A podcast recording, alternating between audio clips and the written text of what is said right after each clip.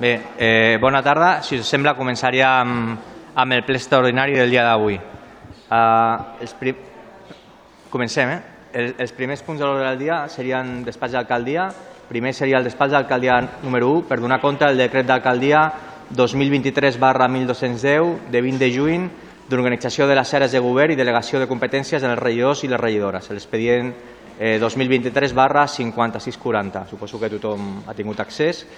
El segon punt seria el despatx d'alcaldia per donar compte del decret d'alcaldia 2023 barra 1298 de 6 de juliol de modificació del decret d'organització de les àrees de govern i delegació de competències en els regidors i les regidores, l'expedient 2023 barra 5640. El tercer seria el despatx d'alcaldia per a donar compte del decret d'alcaldia 2023 barra 1211 de 20 de juny de nomenament de tinents i tinentes d'alcaldia, l'expedient 2023 barra 5640. El quart, el despatx d'alcaldia per a donar compte del decret d'alcaldia 2023 barra 1212 de 20 de juny, nomenament de les persones membres de la Junta de Govern local i de les delegacions i competències de l'alcaldia. El cinquè és el despatx d'alcaldia per a donar compte del decret d'alcaldia 2023 barra 2017 de 28 de juny, aprovació de la prioritat de les sessions de la Junta de Govern local, l'expedient eh, 2023 barra 5640. El sisè és un restàs aventats de la constitució dels grups municipals i el nomenament dels respectius portaveus, eh, l'expedient també 23, 2023 barra 5640. Setè punt sí que ja és de, de votació i és la creació de la Comissió Informativa de Persones i Ciutat i de la Comissió Informativa d'Organització i Promoció. A aquest punt li donem la paraula a la senyora Sònia Martín. Hola, bona tarda a tothom. Bé, aquest punt donar compte de la creació de les comissions informatives.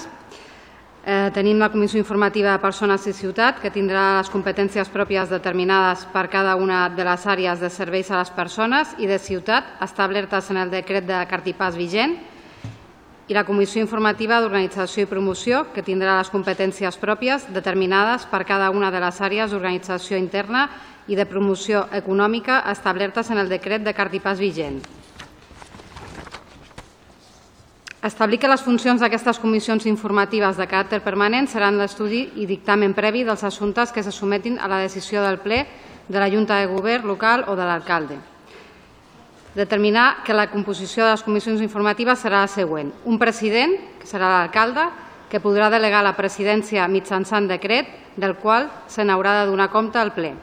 Un regidor per cada grup municipal, un representant del PSC, un representant de Decidim, un representant de Vox i un representant d'Esquerra Republicana de Catalunya i un representant del Partit Popular.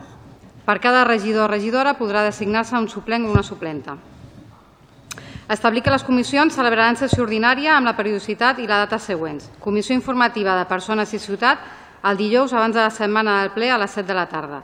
En cas que el dia assenyalat coincideixi en dia festiu, tindrà lloc el dia anterior hàbil segons es concretarà en el decret de convocatòria la Comissió Informativa d'Organització i Promoció el dijous abans de la setmana del ple a les 7 i mitja, sempre que aquest dia sigui hàbil. En cas contrari, la sessió tindrà lloc el dia hàbil anterior, segons concretarà el decret de convocatòria. Determinar que durant el mes d'agost no celebraran sessions ordinàries de les comissions escrites anteriorment. Va, ja està. Molt bé, ara passaríem al posicionament dels grups municipals. Pel senyor Dieguez, pel PP. Sí, desde el Partido Popular indicar que entendemos que está dentro de las facultades del Gobierno organizar el, cómo tienen que ser las comisiones y por esta razón nosotros nos abstendremos. Pel grup d'Esquerra Republicana, senyor Balló. Nosaltres a favor.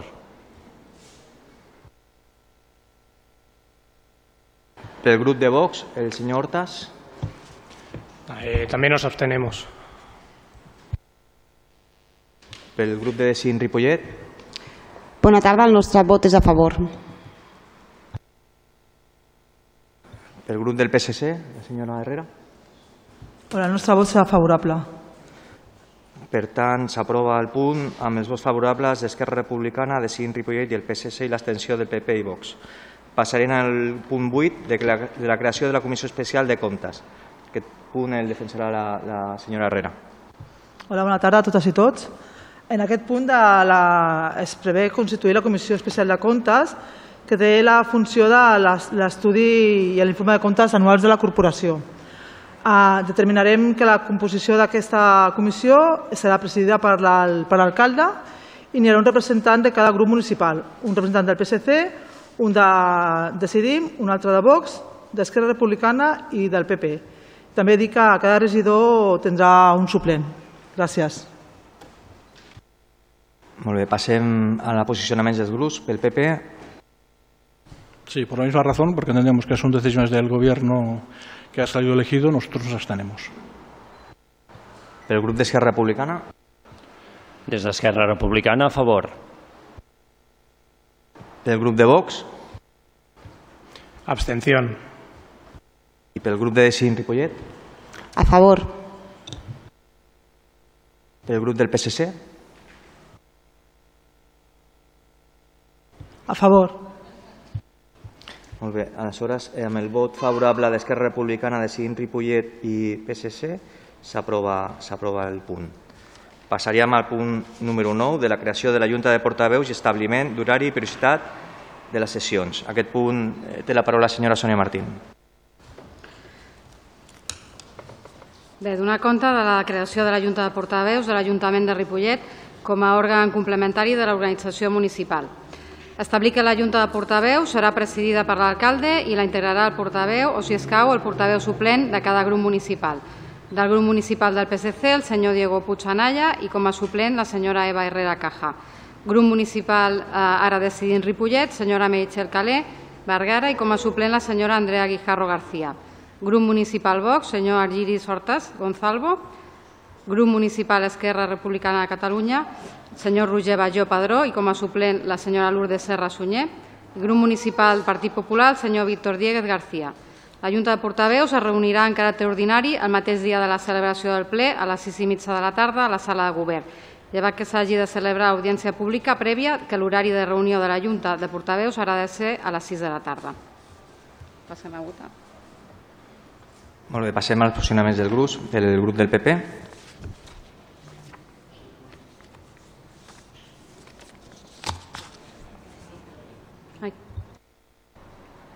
Sí, por parte del Partido Popular, a favor.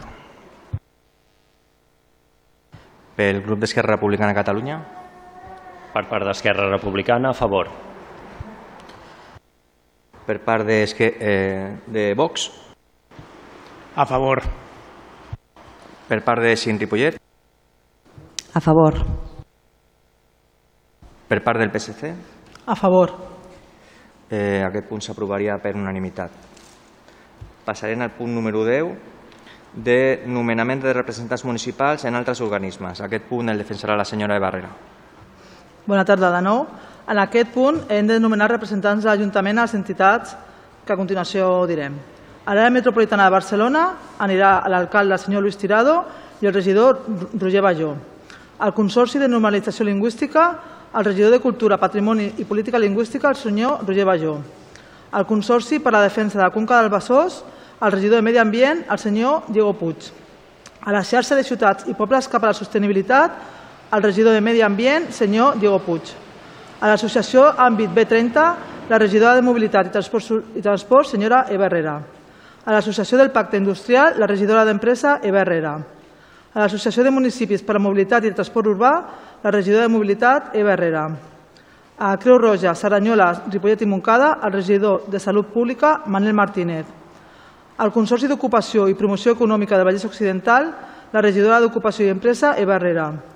A la Comissió d'Arribada del Tren, la regidora Sònia Martín. A l'Associació de Municipis i Entitats per l'Aigua Pública, el regidor Manuel Parra. A l'Associació de Municipis i Entitats per l'Energia Pública, el senyor Manuel Parra. Al Consell Escolar Municipal, el regidor Òscar López. I eh, aquest hauria d'estar format pels integrants dels grups polítics de forma representativa i ponderada. Al Consell de Serveis Socials, a la senyora Sònia Martín. I a la Comissió d'Honors i Distincions, al senyor de Memòria, al regidor de Memòria Històrica, el senyor Òscar López. Molt bé, passem al posicionament del grup. El grup popular, Abstención. pel grup d'Esquerra Republicana de Catalunya, A favor. pel grup de Vox, Abstención. Pel grup de Decidint Ripollet,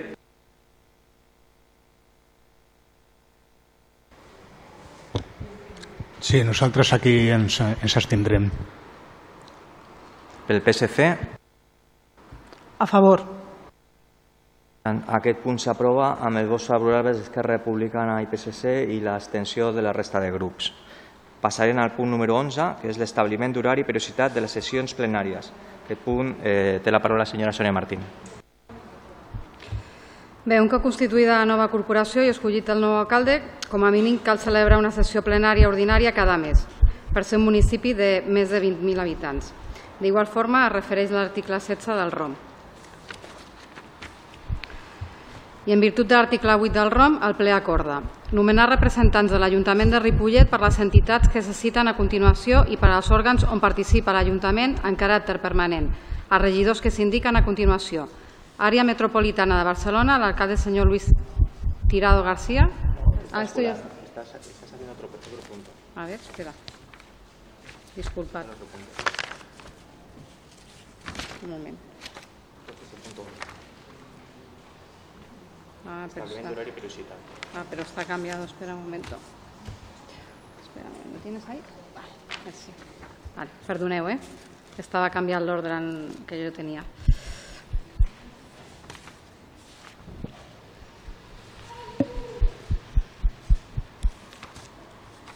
Vale. Primer, acordar la celebració de sessió ordinària del ple de Ripollet el darrer dijous hàbil de cada mes i el seu inici serà a les 7 de la tarda. Disposar que el primer ple ordinari de la corporació serà el dia 27 de juliol del 2023. Disposar que l'alcalde de la corporació podrà avançar o retardar motivadament la data que correspongui a una sessió ordinària amb la conformitat dels portaveus de tots els grups municipals. I disposar que durant el mes d'agost no es celebraran sessions ordinàries del ple. Bé, Passem al posicionament del grup. El grup popular, Abstención. pel grup d'Esquerra Republicana de Catalunya, A favor. pel grup de Vox, Abstención. A favor. pel grup del PSC. A favor. Per tant, aquest punt s'aprova amb els vots favorables d'Esquerra Republicana, Decidint Ripollet, PSC i els, les abstencions de PP i Vox. Passaríem al punt número 12, que és el punt de... oh, que és l'establiment del règim de retribucions i indemnitzacions dels membres de la corporació. Té la paraula la senyora Eva Herrera. Hola, bona tarda de nou a tots i totes. Des de l'equip de govern proposem actualitzar les retribucions que havien, que hi havia en aquests quatre últims anys. Com, com s'ha vist, al decret de Cartipàs hem reduït les tinences d'alcaldia passant de les 6 de l'anterior mandat a les 4 actual, que comptarà amb una dedicació exclusiva. Igualment, proposem l'aprovació de 5 dedicacions parcials. La resta de regidores del govern rebran les indemnitzacions per assistència com la resta de regidors del consistori. Pel que fa a les indemnitzacions per assistència al ple, proposem passar de 300 a 400 euros. La resta d'indemnitzacions per assistència a comissions informatives i juntes de portaveus mantenen el mateix import que el mandat anterior, que estava fixat en 200 euros. Gràcies. Bé, passem al posicionament del grup. Pel grup del Partit Popular, Sí, desde nuestro punto de vista no es un, dar un buen ejemplo este, este tipo de decisiones y nuestro posicionamiento será en contra. pel grup d'Esquerra Republicana de Catalunya, A favor. per Vox, per, la, per el grup de Vox, Pues desde Vox eh, nos oponemos rotundamente a cualquier subida de retribuciones. el, el seu posicionament, en contra? En contra. Eh, pel grup de Decidint Ripollet, Bé, bona tarda a tothom i gràcies per venir amb la calor que fa aquí en aquesta sala i a tothom que ens veu des de casa. Direm que aquesta proposta suposarà més despesa per l'Ajuntament en una situació de crisi econòmica en un municipi amb una taxa d'atur elevada on moltes famílies estan patint la crisi, no ens sembla de bon rebut que en un moment així el govern s'apugi el sou uh, perquè necessitem aquests recursos per una altra cosa. Ens sembla molt malament i molt poc ètic això que han fet. És un mal exemple per fet ètic i per la imatge que es dona de fer una pujada de sous en un moment com el que tenim ara mateix. Bé, això que acabo de dir no, so, no, no ho diem nosaltres, ho va dir el senyor Luis Tirado fa justament dos anys en un vídeo que, fa, que va fer per l'Instagram i en una entrevista a la ràdio on també va afegir Eh, I cito textualment, no ens enganyin, aquí ningú s'està sacrificant per res, si algú vol estar a l'Ajuntament és voluntari. Si no, deixes el càrrec polític, polític i tornes a la feina. Qui diu que fa un sacrifici personal perquè ha de renunciar al salari a la seva feina és mentida. Fi de la cita. Nosaltres trobem que és clar que totes les persones han de menjar i que això costa diners. I alhora totes sabem que estem això, sortint d'un període inflacionari, que els preus són molt més alts que abans i que moltes vegades amb l'excusa dels cicles econòmics i de les crisis conjunturals s'ignora la realitat de que la vida cada cop és més cara i que aquesta tendència no es veu minvada per res. Si el preu de la vida puja, és d'esperar que allò que cobra la gent hagi de pujar, no? Doncs això no és ben bé així, o no per tothom. En aquest punt hem de dir que no, que el debat sobre salaris no és un debat demagògic, que fer debat sobre els salaris és plantejar un debat sobre la coherència i els interessos de cadascú. Defensem que el salari d'un alcalde ha d'estar en consonància amb la feina que realitza i amb la realitat econòmica del municipi que governa. Sobre la seva capacitat de treball o les ganes de treballar per Ripollet deixarem que el temps i vostès ens ho demostrin. I sobre la realitat econòmica del municipi en parlarem més endavant. Volem portar també a memòria eh, de tothom aquí present la baixada del sou de l'alcalde Osuna quan vam entrar al govern l'any 2015 aquella proposta de retribucions que va ser acceptada per consens de tot el consistori i que lluny de plantejaments populistes i sense generar cap debat demagògic vam ser capaces de situar un salari més que normal i digne basat en principis ètics i sense allunyar-nos de la realitat d'aquella gent a la que volem representar. Recordem que la gent de carrer, aquella que vosaltres governeu ara mateix, no té la capacitat de pujar-se el sou. Llavors hem de procurar mostrar més empatia cap al teixit obrer i treballador que conforma el nostre municipi. Sentim, per una banda, que no és coherent que els mateixos que fa justament dos anys ens acusaven a decidir de ser el govern més car de la història, ara plantegin un augment en retribucions de l'alcalde, regidors i regidores del govern, situant el cost de l'actual govern en 337.000 euros, arribant quasi un 50% més que l'anterior. Alhora, som testimonis d'un augment de les persones alliberades i d'un augment de les indemnitzacions per assistència al ple, que això és el punt 13. Suposem que aquestes persones que no han pogut gaudir de jornada també hauran d'emportar-se una quantitat raonable. Definitivament, ara sí tenim davant el govern més car de la història de Ripollet. No ens sembla tampoc coherent que la justificació que es dona per pujar-se el sou tingui a veure amb el que cobren altres alcaldes del voltant, ja que sabran perfectament els pressupostos d'aquests altres municipis que no són els mateixos que Ripollet. En el nostre entorn més immediat, Cerdanyola, Barberà, Sabadell, el pressupost que gaudeixen aquests municipis quasi duplica el nostre en tots, en tots els casos. La renda per càpita d'aquests municipis tampoc té gaire a veure amb la de Ripollet. Sentim llavors que és un error trobar la legitimitat del vostre augment de salari en els municipis del voltant. Podem afirmar, sense risc d'equivocar-nos, que el sou de l'actual alcalde de Ripollet es situa entre els 11 sous més elevats de tots els municipis de Catalunya. Dades publicades per Hisenda en la ISPL, Informació Salarial de Puestos d'Administració, representant 4,2 vegades el salari mínim inter interprofessional. En aquest punt, no és coherent que la màxima preocupació de l'actual govern sigui la situació econòmica de Ripollet i que les primeres mesures que s'aprovin en aquest ple sigui un augment tan agloserat de les retribucions. Alhora, esperem que amb aquestes retribucions tinguin la capacitat de treballar, perquè d'inici no ens sembla malament que hi pugui haver més gent dedicada a treballar per Ripollet i en tot cas serà d'aquí un any que valorem si aquesta inversió important que fa l'Ajuntament en aquests regidors i regidores ha valgut la pena o bé si ha estat un malbaratament dels recursos que tenim.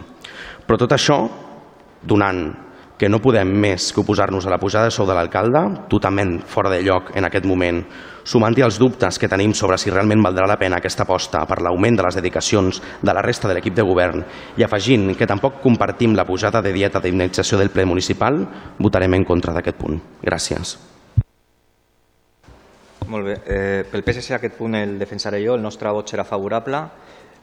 Dir poques coses. Primer, gràcies pel to, Aleix. Eh, és d'agrair el to el to, el to de, del debat. Eh, nosaltres, al final, el que fem és incrementar el que pensem els salaris, eh, i ja ho hem dit públicament, el salari de l'alcalde en funció del que hem vist que, que s'estava fent al voltant, al, al, als altres municipis. Desconeixem la dada de si estan tres alts o no. Eh, això ara s'haurà de veure perquè s'estan actualitzant tots els salaris de tots els municipis. Per tant, aquesta dada és desfasada, és antiga, ja, ja li dic, de, de ben segur que és antiga, perquè l'alcalde de estava per sota i ara estava per sobre, i altres municipis que estaven per sota ara estaran per sobre també de, de la retribució que tindrà aquest alcalde.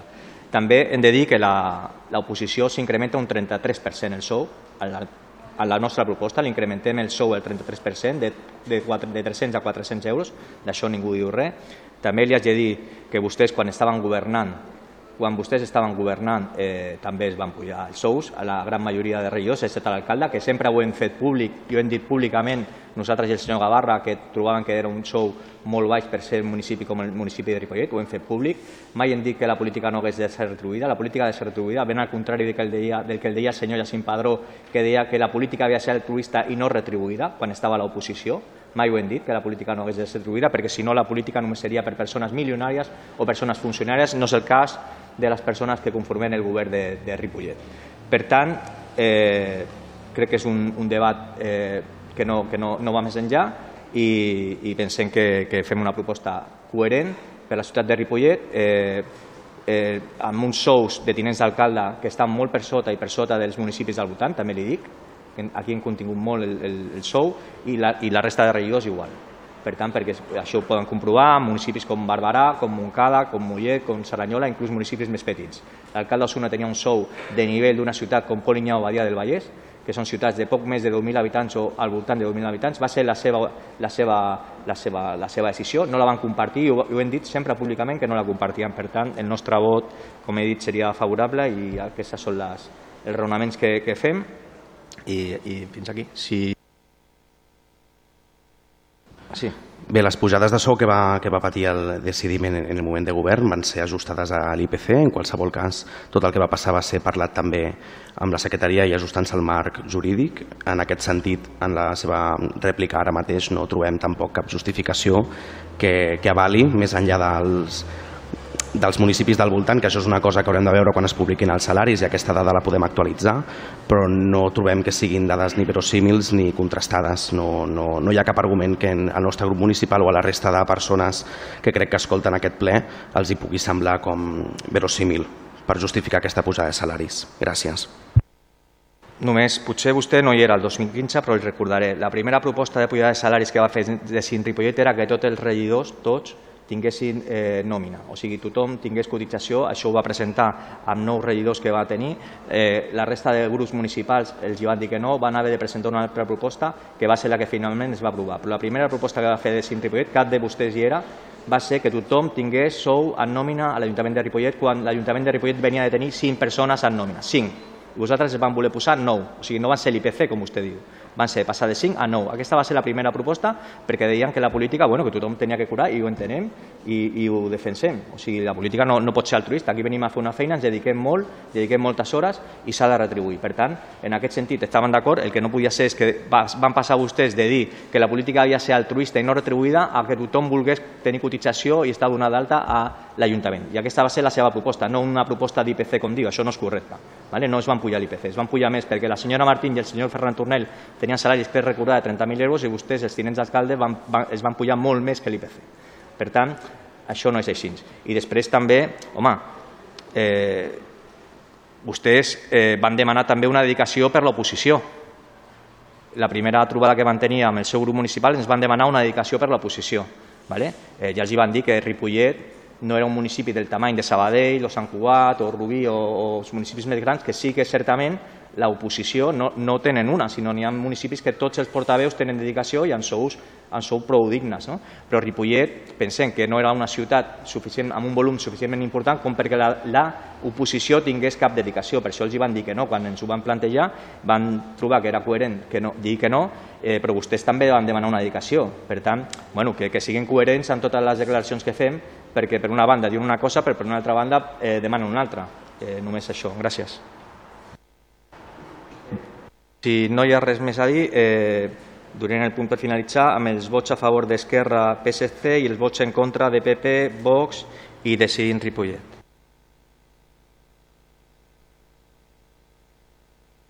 Sí, però passaríem al següent punt, que és el punt número 13 d'establiment de les dotacions econòmiques i mitjans materials als grups municipals, que defensaria la senyora Eva Herrera.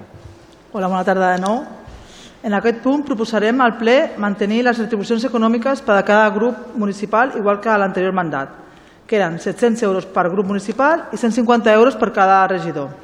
Igualment, proposem que cada grup disposi de la bústia de correu per al regidor o la regidora, la quota d'espai al disc dur del servidor, eh, una, una sala amb la taula i un ordinador a disposició de tots els grups de la posició, un armari amb clau i l'accés a la plataforma del gestor d'expedients per poder rebre les convocatòries i accedir a tots els decrets. Gràcies. Bé, passaríem al posicionament dels grups eh, per part del PP. Sí, por parte del Partido Popular, eh, nuestra posición es la abstención. Per part d'Esquerra Republicana de Catalunya, A favor. per part de Vox, Abstención. per decidir Ripollet, A favor. pel PSC. A favor. Molt bé. Aquest punt s'aprovaria amb els vots favorables d'Esquerra, PSC i decidir Ripollet i les abstencions de, de PP i Vox. Passaríem al punt número 14, que és la modificació de la relació de llocs de treball i la plantilla. Eh, té la paraula la senyora Sònia Martín. Hola de nou, bona tarda. Donar compte en aquest punt del canvi de l'estructura organitzativa amb nou projectes i objectius municipals. Es tracta d'una estructura més simplificada i alhora més àgil. Quatre àmbits d'actuació en, els següents, en les següents àrees. Àrea de serveis a les persones, àrea de ciutat, àrea d'organització interna i àrea de promoció econòmica. Donada la nova estructura organitzativa, això comporta una modificació en la relació de llocs de treball i plantilla de personal funcionari i laboral, deixant sense efectes l'estructura anterior dels sis àmbits d'actuació que hi havia. Per tant, s'amortissen els llocs de treball següents. Coordina- la coordinadora de, pres- de presidència, coordinadora d'àmbit de de desenvolupament econòmic, coordinadora d'àmbit de drets socials, coordinadora d'àmbit de desenvolupament comunitari, coordinadora d'àmbit de governança, coordinadora d'àmbit ciutat i sostenibilitat i cap de departament d'educació. I es creen els següents llocs de treball. Cap d'àrea de serveis de persones, cap d'àrea promoció econòmica, cap d'àrea organització interna, cap d'àrea ciutat, cap de serveis comunitaris i cap d'àrea de la unitat d'educació. La provisió dels nous llocs de treball generats per la nova estructura es produirà de manera paulatina i gradual, amb aprovació de les provisions formals. Per tant, a mesura que es vagin produint les diferents provisions, es procedirà a l'amortització dels llocs de treball indicats. La Comissió Informativa dels Serveis Centrals s'eleva al ple la proposta d'acord següent. Primer, aprovar inicialment la modificació de la plantilla del personal de l'Ajuntament de Ripollet en el sentit d'amortitzar i crear les places que figuren a l'annexa 1. Segon, aprovar la modificació de la relació de llocs de treball de l'Ajuntament de Ripollet en els termes que figuren a l'annexa 3. Tercer, aprovar les fixes dels llocs de treball indicats que s'adjunten a l'annexa 2. Quart, exposar al públic l'aprovació del punt primer d'aquest acord durant el termini de 15 dies, mitjançant l'anunci a publicar el tauler de dictes i el butlletí oficial de la província de Barcelona. I cinquè i, per, i últim, publicar l'aprovació dels punts segon i tercer al tauler de dictes de la corporació en el butlletí oficial de la província i al diari oficial de la Generalitat de Catalunya. Molt bé, passem al posicionament del grup, el grup popular. Desde el Partido Popular entendemos que organizar el gobierno y cómo tiene que hacerse es cuestión precisamente del gobierno, por lo tanto tiene que hacerlo con sus votos. Nuestra posición es la abstención. Pel grup d'Esquerra Republicana de Catalunya, A favor. pel grup de Vox, Abstención. per decidir Ripollet, Hola, molt bona tarda a tots i totes. En primer lloc, assenyalar que la proposta de reorganització de la plantilla és molt semblant a la que vam proposar el 2015 des de Decidim i que vam veure que amb aquestes macroàrees es fa molt complex fer el seguiment de les polítiques i dels projectes. Per això el 2019 doncs, vam decidir modificar-la. Uh, crec que era una mica coneixedors d'aquest fet, però potser heu preferit no prendre nota d'aquests aprenentatges. I, en segon lloc, comentar que aquest és un punt que passa amb l'informe negatiu d'intervenció i de secretaria o amb la notació dels habilitats i habilitada, on expressen que aquesta proposta doncs, no s'ajusta a la legalitat. Nosaltres, al mandat anterior, ja vam començar a treballar en aquest sentit per evitar aquests informes desfavorables i l'últim que vam fer va ser crear la comissió de valoració dels llocs de treball. Eh, veiem que continuem amb aquests informes negatius i que això s'ha de resoldre, per tant, el que s'ha de fer és continuar amb la previsió que ja vam marcar, és a dir, fer tots els treballs previs durant l'estiu per a que el mes de setembre es pugui convocar la primera reunió d'aquesta comissió. Així que esperem que ja s'estiguin fent aquestes tasques prèvies eh, per tal de que els informes negatius deixin de ser-ho. El nostre vot serà l'abstenció. Gràcies. Alguna rèplica? Vale, bueno, és la decisió que hem pres, eh, iniciem govern i prenem nota. Nosaltres creiem que de moment és el model que, que volem tirar endavant i si realment necessitem fer modificacions les farem més endavant. Gràcies. Molt bé. Només comentar que la Comissió de Valoracions de Treball continua treballant. És un punt que va venir al ple de l'abril, que recordar. Nosaltres vam votar a favor i, per tant, es farà la valoració de llocs de treball de tots els empleats i empleades de l'Ajuntament de Ripollet. No es fa des del 2001, des del 2001 que no, no es fa aquesta valoració.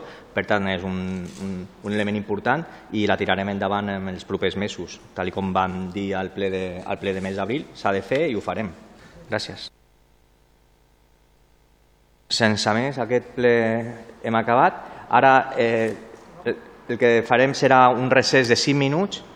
Eh, eh, pregarem que, que es- un moment eh, la sala, si, si podeu sortir to, tots i totes, serà un, un moment perquè hem de fer una minijunta de portaveus un moment d'acord per eh, dictaminar el punt del següent ple eh, pel que fa a una, un coseta, que és el tema de les retribucions, que això ho ha de dictaminar la Junta de Portaveus, per fer el ple extraordinari, que el farem re, en 5 minuts el fem. Si voleu pujar en 5 minuts, tots i totes, eh, en 5 minuts eh, continuem. També és un tema de streaming de la videoacta, que s'ha de tancar una videoacta per obrir una nova videoacta i necessitem aquests 5 minuts també tècnicament per poder fer d'un ple a l'altre ple.